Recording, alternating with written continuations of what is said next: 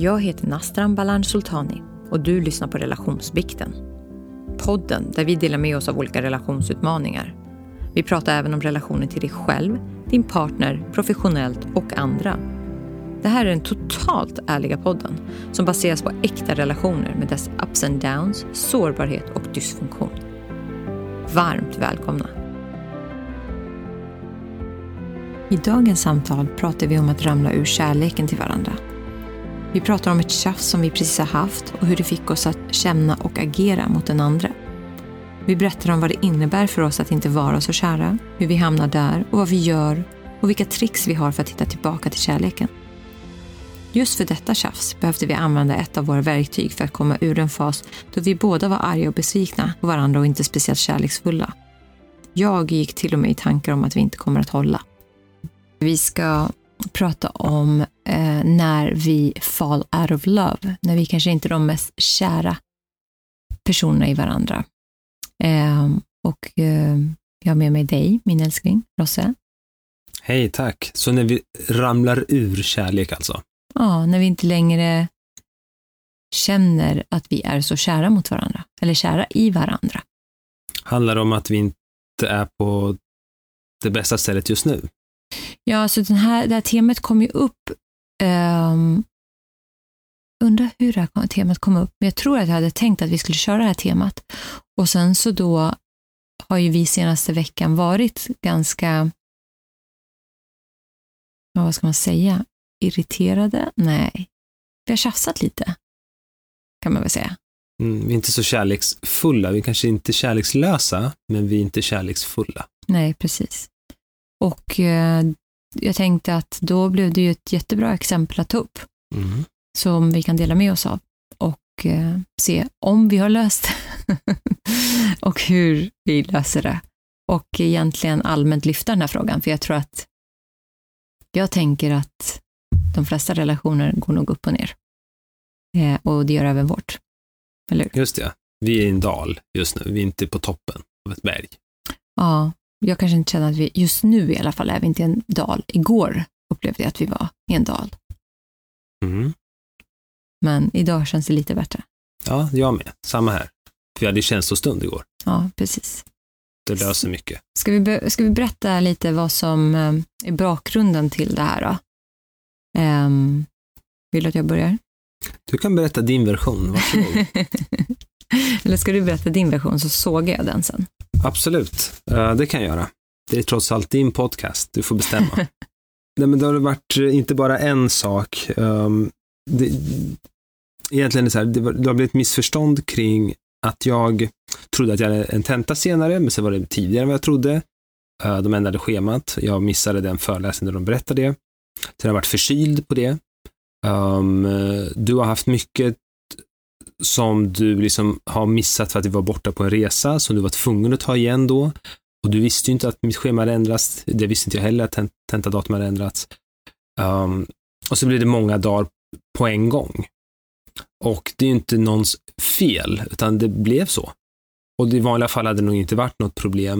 Men nu hade vi inte haft känslostund på ett tag, två veckor i följd. Vi var på resa en vecka med, med för an, andra människor. Jag somnar oftare med vår dotter, för jag är helt slut på, kvällarna, speciellt på den där skidresan. Men det, det, har varit, det har varit flera saker som har spelat in här som har gjort att vi inte har haft eh, vi var inte på det bästa stället för att hamna i en diskussion där man känner sig lite halvstressad som jag gjorde och du egentligen. Uh, så jag var, jag blev, var frustrerad, så jag kan ju tala för mig, men som jag förstod så var du också det. Sen jag tog upp det och tyckte att nej, det är inte fair, att det blir för många dagar, det skulle vara en dag i veckan och sen så du, nämnde det var en vardag i veckan och sen kan det här hända på helgerna. Saken är att jag köper det. Uh, för jag fick ju höra din version och sanningen ligger oftast mellan din och min version, eller så är det oftast när två personer inte är överens, om inte en är helt galen. Um, men, men jag köper det. Och sen har vi satsat väldigt mycket på att jag får köra helger senaste året, då jag har försökt ta min kandidat i psykologi. Så det har varit, jag köper att det har varit på ett visst sätt och att du vill ha det så lite grann nu. Det är bara att ta det, tycker jag. Jag håller med. Men där vi var igår innan vår känslostund, där var jag liksom riktigt irriterad. Jag kände mig sviken eller besviken. Du agerar på ett sätt som jag aldrig hade gjort mot dig, kände jag. Och det sa jag igår. Ja, det är väl så jag skulle vilja sammanfatta lite grann, att vi var inte riktigt nöjda. Mm. Vi var inte på en bra plats. Och Vi hade hur, inte varit intima på ett tag. mm. och hur, hur, hur kände du sen när jag delade min version? Nej, men jag, jag kunde köpa en del saker. Jag, försökte, jag, jag försöker alltid när du, när du ska berätta din version, försöka ställa mig utanför. Utanför mig själv också, försöka titta på det som, vad, vad skulle en tredje man säga? Vad skulle tredje parten säga här nu? En domare som tittar på det här, vad skulle de säga? Ja, Domare. jo, men jag, jag, det låter jättelöjligt. Bara för, speciellt när, man, när vi pratar om att man inte behöver ha rätt eller fel. Men det är skönt att en domare är med i alla fall. Ja, ja, men en domare kan ändå vara, försöka vara neutral. Säga så här. Ja. ja, men försöka ändå säga Mm. typ att ja, men du har rätt i det, du har rätt i det. Mm. Um, tillsammans så har ni rätt i olika saker. Mm. Uh, ni kanske ska försöka mötas även där ni inte tycker det. Um, så, så, så, så, det- så det är väl lite så. Så kort svar. Efter att du delade så blev jag mycket lugnare och tänkte så ja, på något sätt kanske jag visste det innerst inne att du hade nog lite rätt ändå. Lite. Ja, lite. Jag hade också lite rätt. Mm. Och jag, och jag hade behövt mer förståelse för den situation jag var i. Men att jag var just också väldigt, väldigt förkyld under helgen. Och hade helt plötsligt en tenta som var en hel vecka innan jag trodde. Um, och det kände jag att det fick jag inte. Och det var naturligt, för du hade planerat in saker utan att veta det. Och Mm. jag hade bara, ja, kör, ta de dagarna. Mm. Innan jag vi- visste det. Ja, och jag tror också att en anledning varför jag inte hade mer förståelse för dig och jag tänker att det är en sak som jag kommer in i när jag känner att vi har haft det lite tjafsigt och så. När jag, för jag känner så här, när du inte ser mig, när du inte respekterar mig och när du inte respekterar min tid, då, då försvinner min empati för dig. För då känner jag så här, du tramp, då, alltså, nu låter det här jättedramatiskt, men då blir jag så här, fan heller, du trampar inte på mig. Nu har jag tid. Och jag kände liksom, som jag också tog upp på vår känslostund igår, att speciellt om man kopplar tillbaka till förra veckans avsnitt av podden, där, vi, där jag gick in på att jag, jag känner så här, om den ena parten ser att den andra bara ger av sig själv och ger av sig själv och ger av sig själv och inte ger tillbaka någonting, det tycker inte jag är ett kärleksfullt förhållningssätt. Och det var lite så jag kände, jag kände att du, du, du, du, du agerar inte från en älskande handling just nu, utan du var väldigt, jag upplevde dig väldigt ego där du förväntade dig en viss typ av behandling, men du gav inte samma tillbaka. Mhm. Mm. För när du väl Mm. behövde ge tillbaka, för en gångs skull upplevde, upplevde jag då att det var mina saker som liksom kom tätt tillsammans och jag behövde ta en helgdag. Då fick jag massa skit för det. Istället för att, aha, okej, men det här har jag gjort tusen gånger.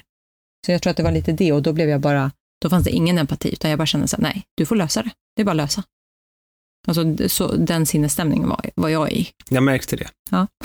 Det var därför jag kände att så här, nu skiter hon helt i att Mm. jag Inte var bra. är, jag är, är jätteförkyld och en Mm. om några dagar. Mm. I något så tråkigt som metod, psykologisk Mm. metod. Alltså ni, ja, ni förstår inte hur tråkigt det är. Ja, nej, men så det, så det, Ja, just det. Så, så, så, så dagens ämne i alla fall. mm, kan man då hamna i, kan man bli okär i varandra? Och det var egentligen? vi igår. Vi var ganska okära, Ja. okärleksfulla när vi började prata. Ja, jag var väldigt dramatisk, jag sa ju det till dig också. Mm. Mina tankar den dagen, de var väldigt mörka. Det var verkligen så här, jag brukar inte känna så med oss. Jag brukar oftast tänka så här, ja, ja, men det här löser vi, eller det här får vi prata om, eller just nu är det lite tufft. Fast du har sagt det flera gånger det du sa igår. Ja, okej, då under kanske jag vårt känner... Det- Jag, jag, jag, kan, jag kan vara lite så här, wow, vad snabbt hon tar det där till, till det där, är det, här, är det ens någon idékortet? Nej, går men jag väldigt kände snabbt så. för dig jag kände det. liksom så här, va? Alltså, är det, ska vi ens vara tillsammans? Ja, du drar det kortet Men vet du, jag tror att det här kortet, oftare än vad, vad som jag, jag tror att om du, om du intervjuar jättemånga tjejer i olika relationer, Ja, så tänker vi den här tanken. Och vi tänker den en gång i månaden när vi har vår PMS. så talar du för alla tjejer just nu. Alla tjejer jag har pratat med och känner, där jag har pratat om PMS och hur man känner och tänker. Jag tror att många tjej- tjejer kan alltså på riktigt känna igen sig i det här. Att man, man blir så dramatisk. Och många gånger så tänker man, varför är jag tillsammans med den här personen? Jag skojar inte. Jag vet, det låter sjukt, men det är sant. Oh, vad sjukt. Och du, du kan inte skratta. förlåt, jag ska inte skratta. Det låter helt stört. Jag håller, okej. Jag vill bara också lägga till, Mm. för alla människor som inte vet om det. Vi tjejer, nej förlåt, ni män, Jaha, okej, förlåt. Ja. Ni har lika mycket hormonförändring under, ett hel livs, alltså, under er hela livstid har ni lika mycket hormonella förändringar som vi kvinnor har under en månad. Så kom inte att prata om PMS. Jag pratar inte om PMS, jag pratar om, jag pratar om reaktionerna på PMS. Så här tänker jag, Ja. när du säger det här. Um, jag tänker så här, då vet du att det är så varje månad. Ja, men det betyder inte att jag är logisk för det. Det betyder inte Nej. att jag kan, jag kan när jag, jo, idag när jag väl får de här tankarna så kan jag ju känna så här, det här är säkert för att jag har PMS eller det är säkert en hormonell förändring för jag blir ju allmänt väldigt irriterad. Jag var ju ganska irriterad på min mamma också. Eh, så jag var nog eh, där. Men jag tror inte heller att det hjälpte att vi också, att jag kände att du var så ego och du bara liksom såg till dig själv och jag inte kände mig älskad heller. Det hjälpte ju inte. Jag kan ju komma till de där tankarna ändå. Jag, jag tänker bara, du, du har dragit det kortet, så här, jag, tror inte det är någon jag, har gjort det, jag har gjort det en gång och det Ja. var efter att jag gått i terapi Ja. och kom hem, Ja. hade gjort en massa grejer och sen åka till New York där du har åkt någon vecka innan och där har jag gjort en mega radikal Mm. förändring i mitt liv, ett par stycken till och med, Mm. i, dagen innan jag kommer ner till New York, alltså innan Mm. jag flyger. Och liksom it catches up to me, Mm. lite så, två dagar innan. Så liksom jag bara inser liksom vad som har hänt egentligen, att det är för mycket på en gång och jag får lite panikångest. Och då säger jag någonting i stil med, den gången minns jag att Fast var jag säger ju aldrig det till dig. Jo, Att- jo du, sa, du, du har sagt det flera gånger. Nej, jag, sä- nej, jag har ju aldrig sagt så här, Rossi, jag vet inte om vi ska vara tillsammans. Så har jag aldrig sagt. Mm, Jag upplever ju att jag har tänkt tanken och att jag har sagt till dig att jag har tänkt så här. Men jag, har ju all, jag upplever inte att jag har sagt så till dig. Men du är inte resonlig alltid när du, som du sa, du är inte logisk när du gör det. Nej. Du kanske inte ens minns att du gör det, jag vet inte, tydligen så är det minnesluckor. jag har ju i och för sig inte speciellt bra minne. Så i varje fall, att komma med göra slut hoten, och jag, och jag kan tycka det är lite starkt. Ja, jag tycker absolut, jag måste bara få säga att jag tycker verkligen inte att man ska komma med sådana hot. Jag tänker så här att du måste ha missförstått mig. Jag tänker att det kanske någon gång, alltså att det är mer så här, ska vi ha det så här så, kan, så kommer inte det här vara långvarigt. Det är en annan sak att liksom, vi delar inte prioriteringar eller vad det kan vara. Men jag tycker verkligen inte man ska komma med sådana hot. Så vi, vi var på en plats då där ingen av oss kände oss sedda. Eh, och på det så hade vi inte haft speciellt bra kommunikation, vi hade inte varit speciellt fysiska, vi hade inte tagit mycket tid till varandra. Vi var båda väldigt stressade och då hamnade vi alltså i eh, en situation där vi inte var speciellt kärleksfulla med varandra. Och jag menar, någonstans, det finns ju väl olika, jag känner ju att det finns olika faser. Alltså det finns ju, precis i början när man träffas så är man ju förälskad. Eh, och det är ju egentligen bara väldigt mycket droger, alltså olika typer av hormoner i ens kropp som känns som droger, mycket kemiskt liksom, eh, som gör att allting är rosa moln och allting känns fantastiskt. Sen känner jag att, sen, kan man ju komma, sen kommer man ju in i att bli kär i någon och det för mig är ju att, att när man väl känner någon på riktigt, för när man är i förälskat-fasen så känns det inte som att man känner varandra, utan när man väl har gått igenom en del saker man känner varandra och man fortfarande tycker om det man ser, det finns ett pirr, det finns den här viljan av att vara tillsammans, röra vid varandra och så vidare. Man har kul ihop, då upplever jag att, men då är man kär.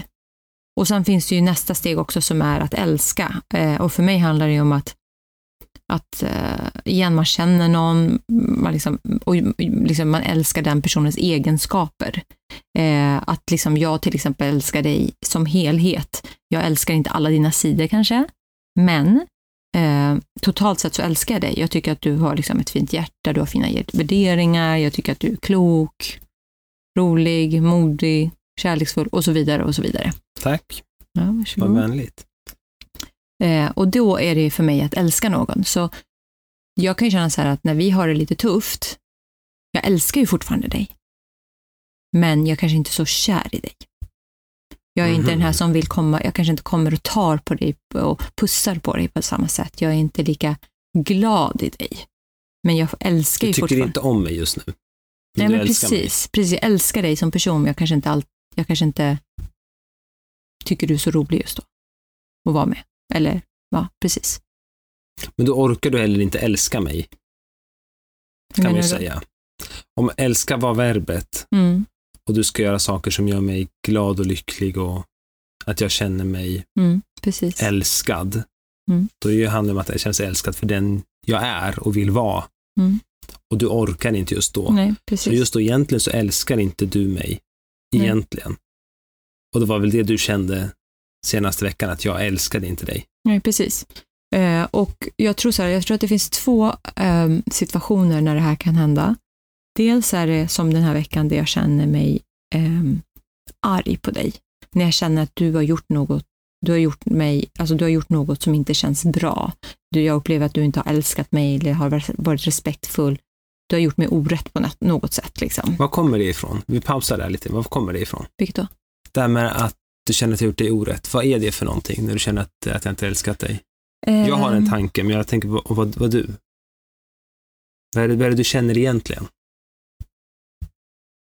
Nej, men jag känner att, eh, nej, men jag känner att du inte ser mig, jag känner att du inte eh, värdesätter mig, jag känner att du inte värdesätter min tid, jag känner att du inte värdesatte, att vi var inte lika i, din, i, di, i ditt eh, sinne.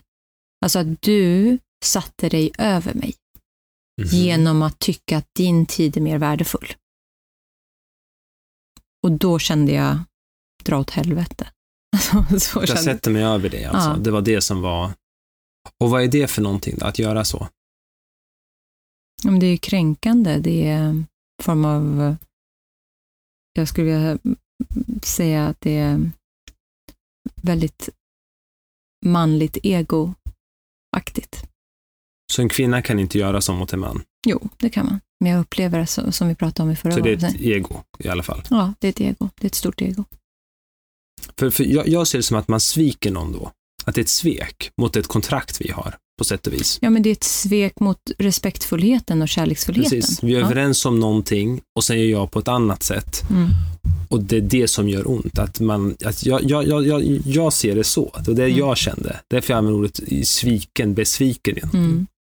För jag kände så här, vi har en överenskommelse att vi faktiskt stöttar varandra när det är lite tufft. Mm. Um, du, du gjorde inte det nu. Du körde på med dina dagar. Trots att alla förutsättningar var förändrade och jag är förkyld. Alltså, eller det var också en av förutsättningarna. Um, det är inte okej, så gör vi inte. Så Mm. skulle jag aldrig göra mot dig. Hänger du med? Ja. Att då, det upprörde mig mer än något annat. Att Mm. det här är inte våra värderingar, så här gör vi inte. N- När Mm. någon är sjuk och liksom får, Mm. då gör man inte så här. Nej. Och det var väl, det väl, jag tänkte att, nu ska inte jag säga att det var väl så du kände också. Jo, men det var så jag Men, kände. men, men att det är lite Mm. så att så här gör vi inte. Det, Mm. det, det, det här är ett brott mot våra värderingar, mot vårt ramverk, Ja. mot vilka vi faktiskt är. Och, Mm. och det är då jag kan tänka mig tanken uppstår, men vänta nu, är det det här vi ska ha? Då ska vi inte vi ha det här. Mm. Och det var lite så jag tänkte. Om det ska vara så här, där du väljer dig själv varje gång, där du inte älskar mig, då, då den köper inte jag in på. Nej, precis. Jag är inte det, med det på det. kontraktet. Ja. Det, det, du håller på att ändra kontraktet. Jag vill inte skriva Mm. på det här nya Ja. sociala Precis. kontraktet mellan oss. Det var Okej, lite det jag ja. fiskade efter, lite grann, att det kanske är det, man gräver lite, Ja. så är det kanske det som gör ont. Att Ja. Vi har en deal, nu bryter du mot dealen, jag kommer inte skriva på den här nya dealen. Mm. Uh, Och jag kände, saken var att jag kände inte igen dig. nej, precis. Jag kände inte igen dig och jag kände att du, vad jag tänkte var så här, har han börjat ge upp på oss? Varför, varför beter han sig så här? Varför gick, han, alltså varför gick han emot allting som vi vanligtvis gör? Jag kände liksom inte igen dig, tror jag, i det. Ehm, Det är för att koppla till manligt ego, tänker jag ja. Det är som att jag försökte hindra dig från att vara en entreprenöriell kvinna. Ja, du, du, du, precis. Jag, men jag tror att jag kopplade tillbaka det till vårt tidigare samla- samtal, där liksom vi har pratat om att män ofta tar för sig mer och kvinnor är sämre på att göra det. Jag är inte sämre på att ta för mig, men jag har gett dig mycket mer utrymme sista ett och ett halvt åren när du, behö- när du har velat lära dig mycket saker och göra mycket saker. Och då kände jag så här, nu när jag tar tillbaka lite plats, då, liksom lät du mig inte. Nej, till och med med min uppmuntran så har jag Ja. till och med lurat dig kanske. Ja, Eller? Ja, jag vet inte. Jag Sagt att kör, jag kör, det bara du ska göra det liksom- där. Ja. Jag har ju sagt så, Mm. men sen står jag inte bakom orden. när, du- när det på något sätt hindrade dig i ditt så stod du inte bakom de orden. Ja, just det. Anyways. Nej, men det är det. Jag tror Ja. att det är det här som är grejen. För jag tror att vi, så här långt kom vi inte igår. Nej.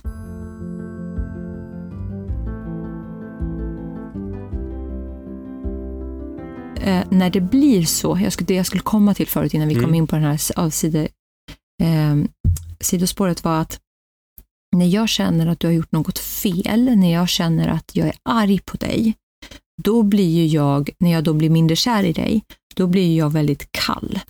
Jag blir kall, jag blir tyst, jag blir arg, jag ifrågasätter vår relation, jag är inte kärleksfull i min ton till dig eh, och jag slutar att vara intresserad eller visa empati. Och jag tror att där kommer vi tillbaka till den här anknytningsteorin och den jag är då, när jag känner mig sviken. Så först pratar vi egentligen om vad som får dig att bli, eller vad som du uppfattar som ett visst beteende från mitt håll och som får dig att känna någonting. Mm. Och nu pratar vi om hur, Hur du då blir. börjar bete dig Ja. mot, tillbaka mot Hur mig. blir jag mot dig när jag väl hamnar i det här? Så det är Mm. den ena, då blir jag så. Det andra fallet är att, jag, att vi bara har liksom inte haft tid för varandra. Och då blir jag bara liksom mindre, jag är nog inte lika kärleksfull, men då är jag också medveten om att jag inte är så kärleksfull och det finns ingen intention att inte vara det. Utan då är det mer så här att oj, vi har kommit av oss, vi har inte tagit tid för varandra. Och då blir jag ju inte kall, utan då blir jag ju snarare sagt motiverad av att ändra det. Då kommer jag ju snabbt i de tankarna att så här, så här kan vi inte ha det, vad håller vi på med?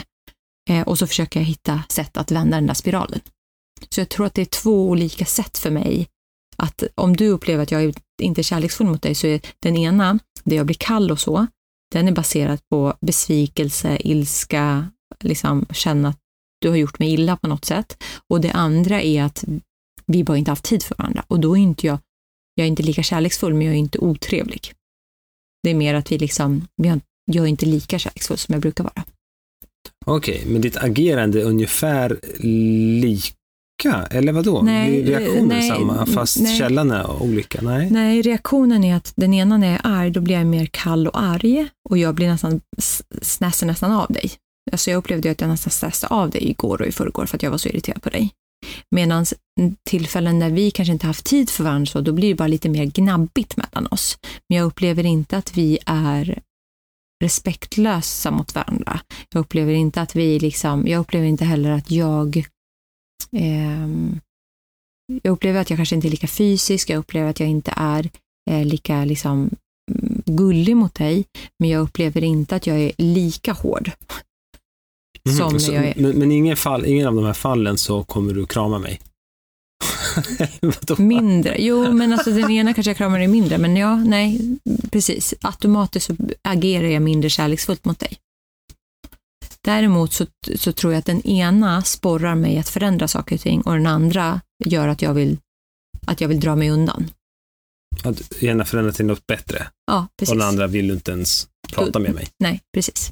Det är skillnaden. Hur agerar du när du känner att du... Hur känner du att du blir? Hur jag känner att jag agerar, hur jag, hur jag blir.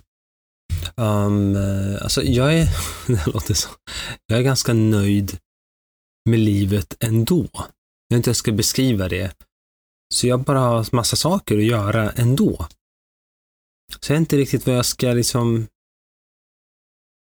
vet inte vad jag ska säga riktigt för att jag gör något annat. Vill inte du vara med mig eller orkar du inte eller är upptagen, ja då får jag göra något annat. Jag har hundra, alltså det finns så många saker att göra som jag tycker är kul ändå. Jag försöker att se till att det inte häng, hänger på att om du skulle vara kvar i mitt liv, att jag är lycklig eller inte. Kan du inte just nu så är det, så är det okej. Okay. Det är klart att du kan bidra till mitt liv, så, och barnen och alltihop, men skulle det vara någon, alltså Men, men min fråga var ju mer så här, vad, vad gör du när du jag hittar på något annat, det är mitt svar. Ja.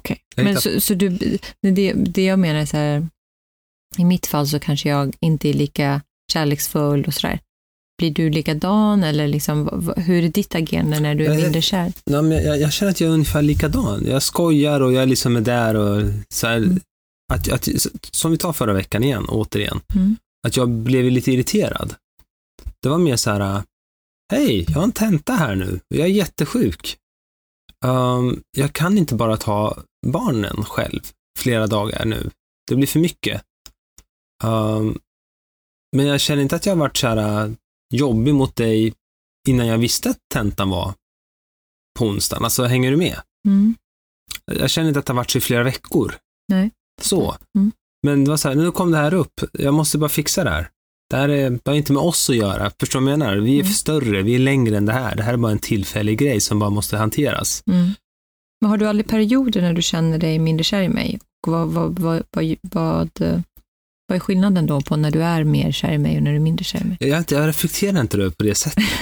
Alltså det, det är det som är grejen. För det, när du tog upp det här ämnet, jag, så här, ja, jag, jag förstår vad du menar, jag, så, Ja. intellektuellt. Men inte om jag känner det här riktigt. Att jag, Mm. att jag liksom är lite så här intresserad eller ointresserad. Så här, bara, jag har så mycket just nu ändå. Mm. Och jag ska ju också säga det att det är få tillfällen som jag känner att jag inte är kär i dig. Eh, men jag kan ju bara gå tillbaka till andra relationer som jag har haft. Eh, där jag verkligen har känt att jag inte är kär i personen längre. Och där jag har fått jobba mycket hårdare för att komma tillbaka. Liksom till, en, till ett ställe där jag blir kär igen. Ehm, Så jag upplever också, jag upplever inte heller att vi har det på samma sätt. Men det finns ju tillfällen när vi inte har det lika bra. Mm. Det kan jag definitivt känna. Och det är ju när vi inte tar hand om oss på det sättet. Men jag tror det handlar väldigt mycket om, du, kanske kommer in på det, du nämnde förut innan vi satte igång, att Mm. du kanske vill ta upp det så också, med det här med passion och stabilitet och liksom, Mm. jag känner att vi har en så bra vänskap ändå. Jag tycker om dig. Förstår du vad jag menar? Jag älskar dig Mm. som människa ändå. Sen om jag inte skulle vara sugen eller passionerad just nu eller om det skulle vara att jag är trött, alltså. Mm. Det betyder ingenting i sig. Alltså det, det, det vi gör är mycket viktigare än det. Mm. Fattar. Följer du med? Du är Mm. liksom, du är mer Så oavsett det så tycker vi ändå om varandra och vill vara med varandra. Oavsett vad vi är kring allt det andra. Ja, precis. Om Mm. inte jag är så här superförälskad just nu, det är så här, det är alla hjärtans dag och lite, lite så här, och jag är så här, ja det är corona, det är det här, ja vi är, så, vi är större än det. Sen får man inte liksom slacka och skita i allting.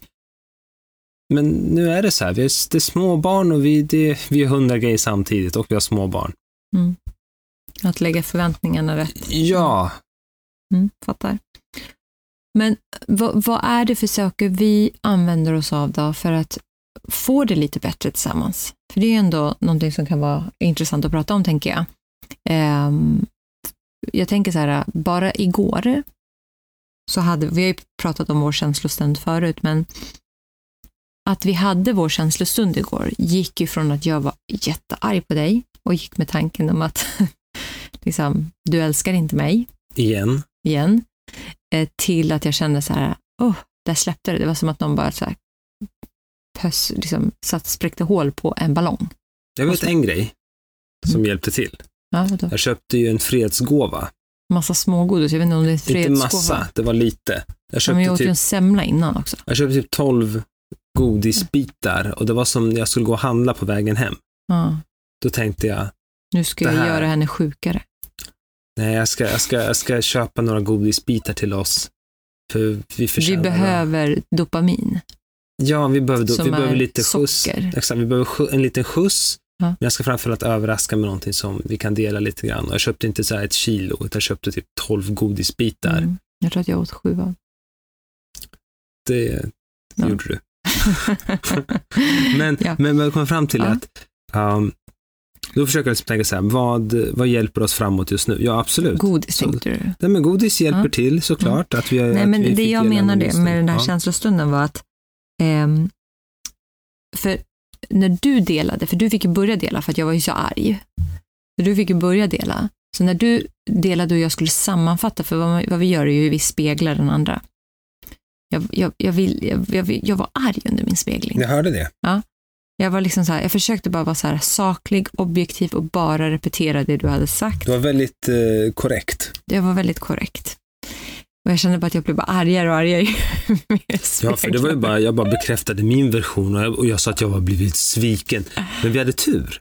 Ja. För mitt i så ropade eller grät eller Lorentz, ja. Lorentz gnydde till liksom. Mm. Så jag, var, jag gick in och pussade honom. Men så låg jag och tänkte när jag låg där. Jag bara, alltså vad är det jag verkligen vill få fram här? Jag ska Mm. inte bara rabbla upp min vanliga känslostund. Jo, jag känner att det var ett svek mot, ett, jag känner mig sviken. Mm. Så kom jag ut och kunde börja om lite grann och kunna säga det. Mm. Så vilket gjorde det kanske argare, jag vet inte. Att jag känner mig så, hur vågar jag känna Hur mig sviken? vågar du? Nej, men det jag skulle säga då var att dels hade vi den känslan i stunden, så jag fick ju spegla dig och jag vet inte hur du kände, men när jag hade min delning, då var ju, du, du märkte ju att jag var ju ganska upprörd. Mm. Eh, men när du började spegla så var det som att du var ju också väldigt monotom i din spegling. Det var inte som så att du var så här, ja du har rätt Nastaran. Nej, för det får man ju inte ens säga under sin spegling. Men eh, trots att du bara speglade rakt av vad jag hade sagt, så kände jag bara att jag, min ilska började försvinna. Och jag tror att det var för att du lyssnade. Alltså vi hade tillfällen där du bara lyssnade på mig och där du hörde mig och där du speglade det jag sa. Och, då, och jag tänker så här, det finns en sån kraft i det för att det spelar, inget, det spelar inte alltid någon roll vem som har rätt och det spelar inte alltid någon roll att man behöver komma överens om vem, vad som var sanningen eller inte. Många gånger kan det ju bara räcka att den andra lyssnar och speglar. Jag hör att du känner så här. Och det kan räcka. Och det gjorde verkligen det. Och det var sånt bevis på det igår. För jag började med att vara så arg, jag var så arg i min delning. Och sen så när du bara speglade så bara kände jag bara hur det bara rann av mig. Och det tyckte jag var helt fantastiskt. Den Ja, men det är väl så det är med eh, dina klienter, så är det med mina klienter i alla fall. Så coach, en av de starkaste verktygen som jag använder är ju just spegling. Ja, absolut. Att klienten får komma i en timme och bli extremt lyssnad på. Sen gör vi massa övningar och grejer förstås, men Mm. det är en väldigt stark del av det. Men så gör du väl med dina klienter också, dina par och så? Ja, absolut. Ehm, så är det såklart. Men jag tror också att förutom känslostunden, en annan sak som jag upplever att jag jobbar med i alla fall, eh, när jag känner att vi behöver hitta tillbaka till varandra eller att jag behöver bli lite mer kärleksfull. Eh, förutom sådana självklara saker som att vi, alltså dels är det att hitta tid för varandra. Det kan ju vara i form av en dejt eller att vi avsätter tid för varandra. Och jag tycker bara en dejt gör ju mycket också. Det ger ju också mycket energi och man kommer ut och gör något kul ihop, man, man, tittar man ser varandra, man lägger tid på varandra.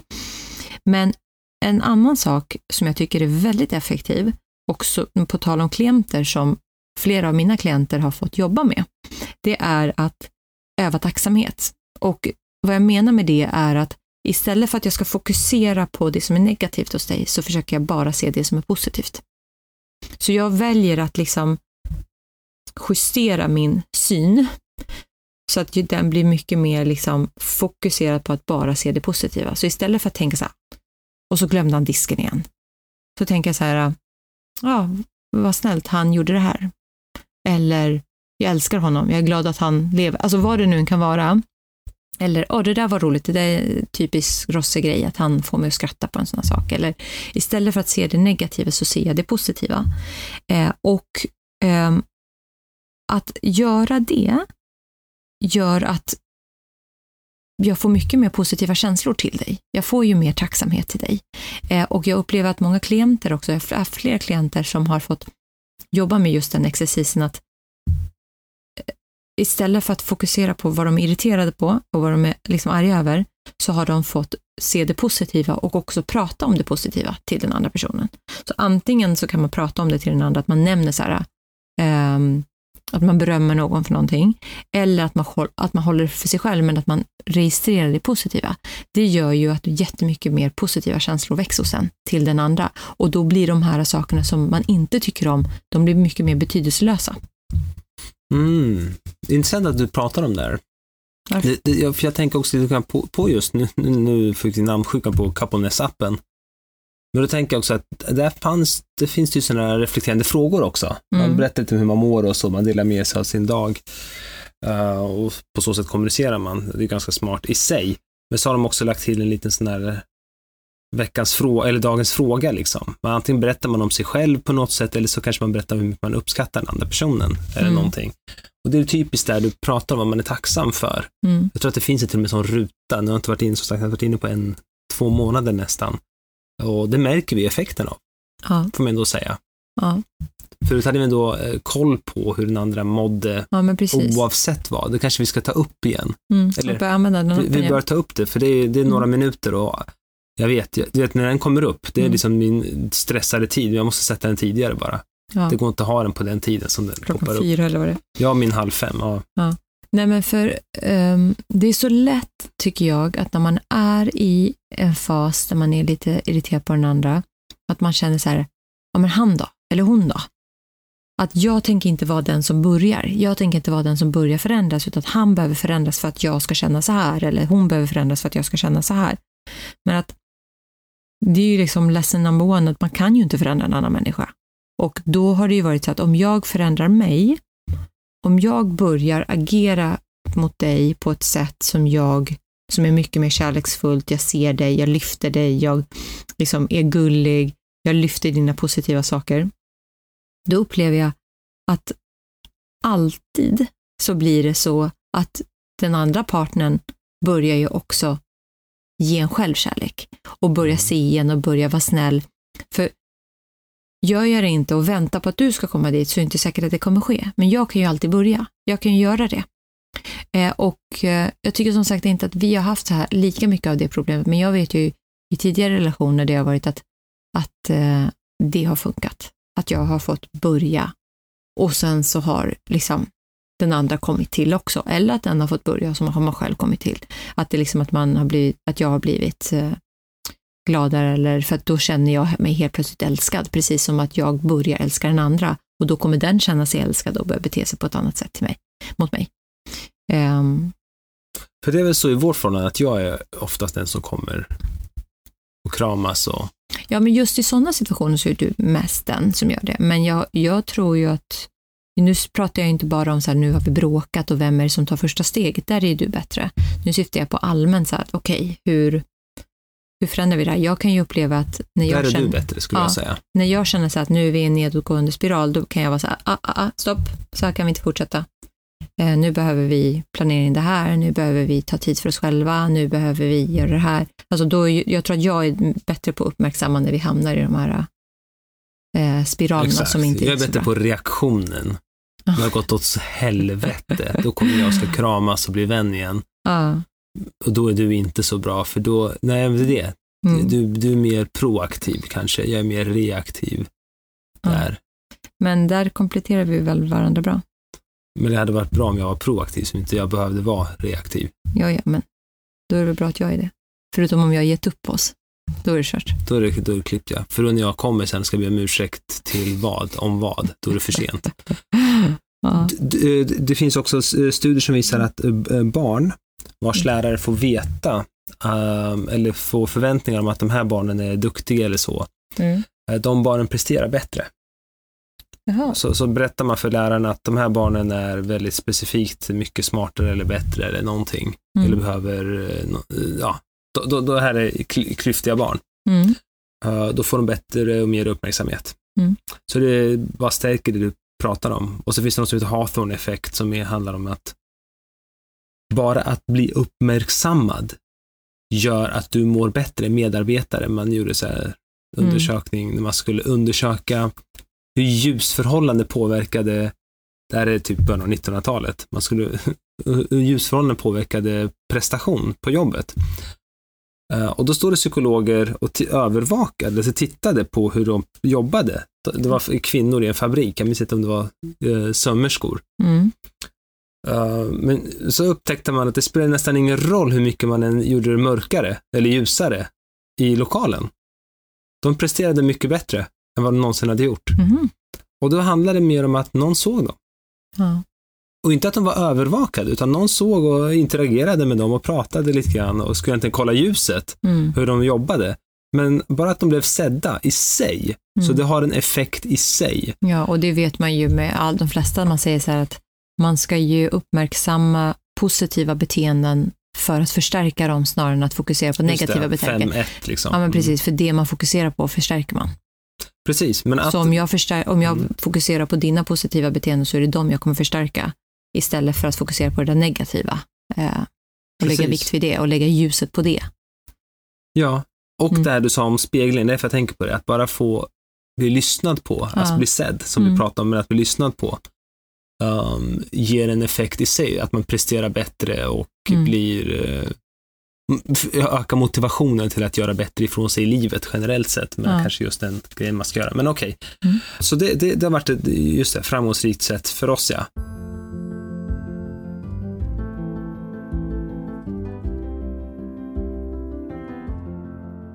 Ja, så våra grejer är väl lite så här, dels känslostunden som är verkligen A och O, dels det här att öva tacksamhet.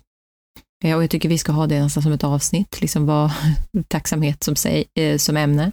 Men, eh, och sen är det det här med att faktiskt ta tid för varandra i form av dejter och hitta på saker och ting som är roliga tillsammans. Eller avsätta tider på kvällarna där vi faktiskt umgås eller pratar. Men sen också det här med att faktiskt se den andras positiva sidor och, och fokusera på det snarare än det negativa. Och också börja därmed visa mer kärlek och visa uppskattning för de positiva sidorna. Jag fick faktiskt en idé. Du Mm. sa det förut och då fick jag idén då. Jag Mm. tänkte, jag, det är inte dagens tema vad det handlar om, men, men jag kan säga det ändå. Då. När vi har känslostund borde vi också ehm, säga en grej som vi uppskattar hos den andra personen under den gångna veckan. Ja, en faktiskt. handling Mm. eller någonting, Mm. eller någonting vi ser som vi tänker så här, du, jag såg att du gjorde det där och det var imponerande eller inspirerande. Eller, Och tänk om man skulle göra det varje dag. Tänk om man Ja. skulle säga varje dag, du uppskattade det Men vad häftigt att ha känslostund varje dag. Men Ja, vi kom ja, fram till det så här, om vi, om vi gör det då, Mm. ehm, då blir det gjort. Ja. Och så kanske vi får in det att vi gör oftare, för att vi Mm. börjar se det. Mm. Man är Bra idé. tvungen att göra det. Mm. Och det finns alltid någonting. Det finns någonting varje dag, som du sa också. Mm. Det finns all, någonting varje Mm. dag. Och det kanske blir så att det blir plötsligt onsdagens du lagade mat och det var faktiskt väldigt gott. Sen har jag hört också ett annat tips och det är ju att man ska, till exempel efter vår känslostorm, jag har ju sagt, sagt det också, men vi har aldrig provat det, vi behöver prova det. Det är ju bara titta in i varandras ögon utan att säga ett ord i några minuter. Och man ska titta in i vänster öga tydligen. Det är tydligen, jag vet inte om det var dörren till själen eller Mm. någonting, I don't know. Men att man skulle titta in i vänster öga och göra det i typ två minuter. Och att många känner mycket mer samhörighet med varandra efter det. Och Mm. att det skapas oxyto- Det oxytocin när man Det här gjorde jag när jag var i London på Mm. Unleash the Power Within. Ja. Med dels en tjej som heter Petra som jag hade blivit kompis med Vem är mycket. Petra? Petra. Mm. Men också, när jag vände mig om, så var det en äldre dam. Ja. Som var mycket äldre, alltså vi Mm. snackar kanske runt 80. Mm, 90. var hon där? Ja, alltså det var, det var barn där också. Jaha. Fick de betala?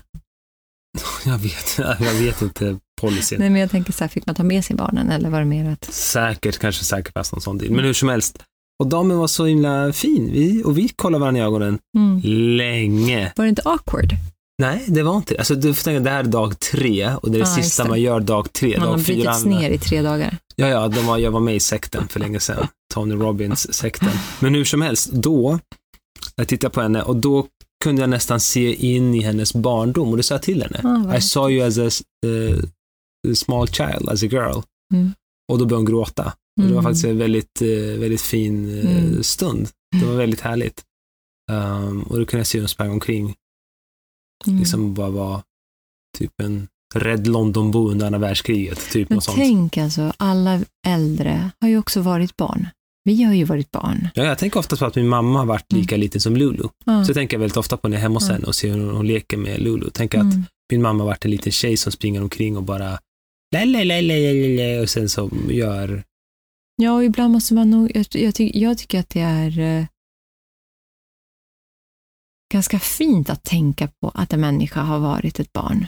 För att Mm. det ger ett annat perspektiv och lite mer acceptans och, och förstå, inte förståelse, men eh, jag tycker att jag blir varmare inför en människa. Jag blir mer kärleksfull mot en människa när jag tänker på att den här personen har också bara varit ett barn.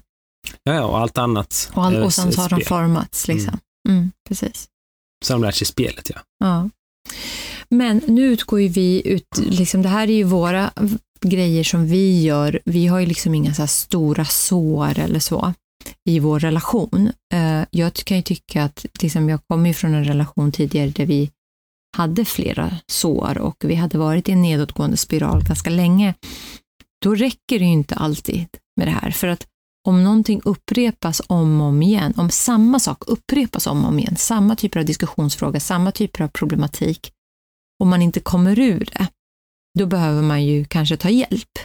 Eh, för då är det ju någonting, då kanske det är kommunikationen som brister, det kanske är att man inte prioriterar saker och ting likadant. Man kanske inte har lika, man, man ser inte på värderingarna på samma sätt. Man har inte likadana värderingar, eller liknande värderingar.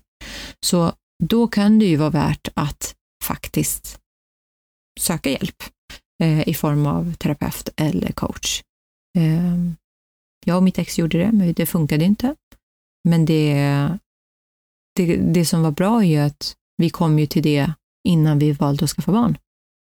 Och då kan man ju veta det istället, så att man inte Ja, tar det steget. Ja, men att bara ha någon som observerar den är ju värt otroligt mycket. Ja, och det Som visar sagt. också på så här, hur mycket är vi villiga att förändras, hur mycket är vi villiga att ta in någon annan, alltså faktiskt eh, se oss själva och vad vi gör för fel. Ja, och hur mycket vill vi lösa våra problem. Absolut. Absolut. Nej, men det visar verkligen hur dedikerad man är. Mm. Och här finns ju massa alternativ.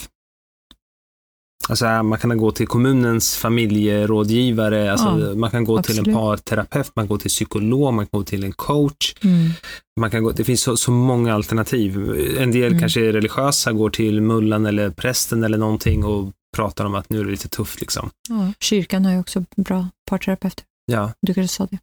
jag sa det, ja, Ja. prästen. Men, Mm. ja, men absolut, så, så man, man, det, finns, det finns så många alternativ. Um, återigen så är det en kärlekshandling att säga till någon, vi har ett problem. Det är en kärlekshandling mot sig själv Ja. och säga, det här, jag har ett problem som är större än jag. Eller säga att jag upplever att vi har ett problem som är större än oss, vi har inte Mm. kunnat lösa det. Uh, kan vi inte bara ge upp, kapitulera den här aktiva handlingen Mm. inför det och gå och se om vi kan prata inför någon som kan moderera ja, samtalet. Det är, För- för det är det det blir i slutändan, att någon som modererar samtalet som är lite professionell och Ja, jo, det, skulle, det jag skulle komma till var också att det du sa där, att det här med att, eh, för mig, för jag har ju nämnt det förut, men att den dagen jag väljer att sluta kommunicera, när jag känner så här, jag orkar inte, du sa någonting så här, jag orkar inte. Att inte orka för mig är att börja ge upp på sin relation. För att om jag inte väljer att orka, då betyder det att jag börjat bli hopplös. Alltså att jag känner en hopplöshet. Och känner jag en hopplöshet så har jag ju börjat ge upp. Och då kommunicerar jag Mhm. inte vad jag behöver, jag kommunicerar inte det jag liksom vill ska förändras. Jag, jag lägger inte energin på att försöka jobba på vår relation och det jag känner att vi behöver förbättra. Utan då väljer jag istället att säga, jag orkar inte, det kommer ändå inte bli bättre och det här, det kommer ändå inte, gör ju att vi börjar ge upp. För att det kommer ju bara bli större och större och större om vi inte fortsätter prata om det, om vi inte försöker förändra det.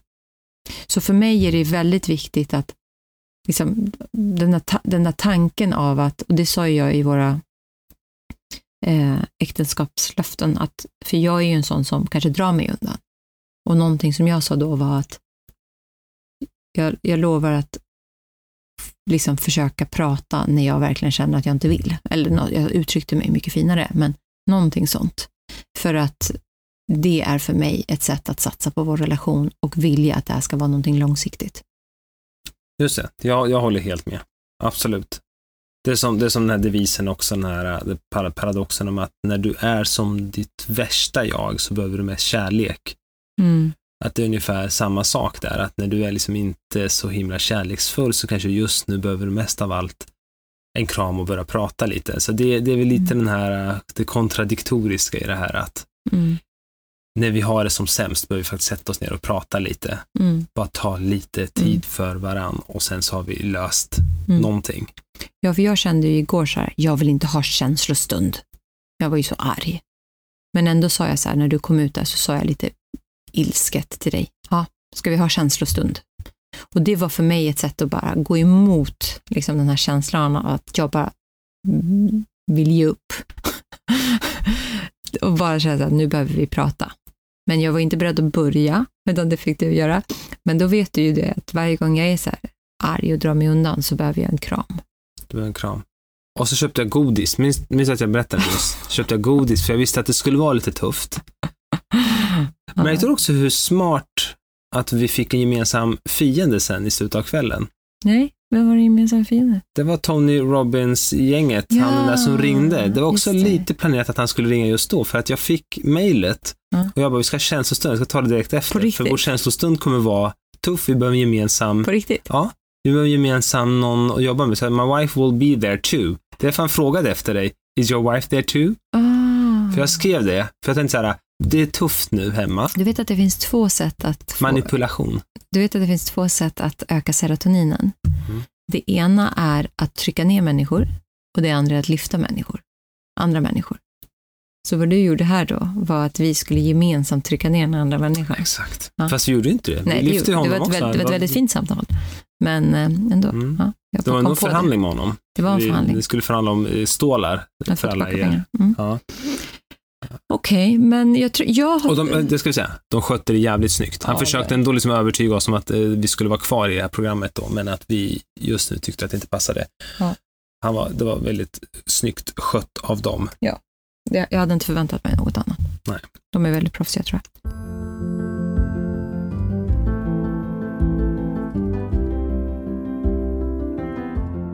Så ehm, hur skulle du sammanfatta? Jo, men jag, jag skulle säga så här att eh, ett, ett, ett, tiden är en faktor. Går det för lång tid utan att jag och du pratar, kramas, Mm. eh, beter oss som ett par, Mm. som ett kärlekspar, inte bara två kompisar som har två barn ihop. Mm. Um, då, det här med fysisk kontakt och Mm. tid för varandra, då, då glider vi lite ifrån varandra. Då blir Mm. vi två stycken silon Mm. som bara ska Det är project bara logistik. Så det är det ena.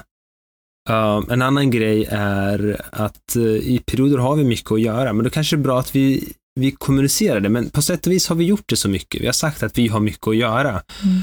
Um, men då kanske det blir än viktigare att använda oss av verktyget kalender Mm. mycket tydligare än vad vi gör nu. För vi kan inte lägga in en återkommande fredagsmys i kalendern, för den är där. Vi behöver kanske lägga till en tisdagsträning eller någonting. Vi kanske ska lägga till en grej till. Mm. För tydlighets skull.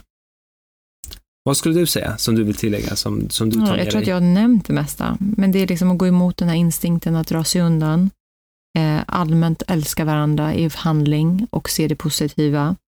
Eh, liksom, vara lite mer fysiska som du pratade om, liksom kramas och så, ta på varandra för att skapa oxytocinen.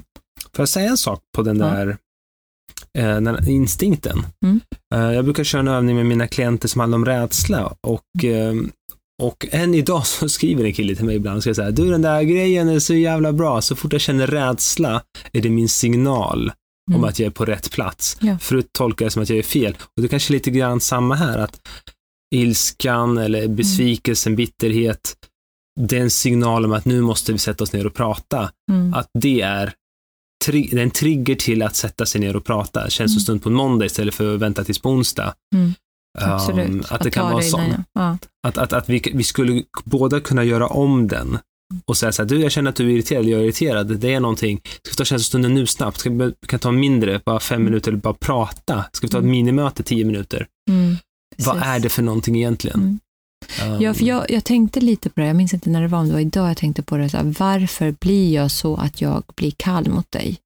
Varför blir jag så att jag liksom drar mig undan? Och jag tror, alltså om man går tillbaka till anknytningsteorin, eftersom jag är den här, eller jag vet inte om jag bara är den, jag måste göra ett sånt där test. Jag tror att jag är en kombination av trygg och, eh, vad heter den, otrygg ambivalent. Nej, undvikande heter den, inte ambivalent. Otrygg undvikande. För det är den som blir liksom kall och drar sig undan.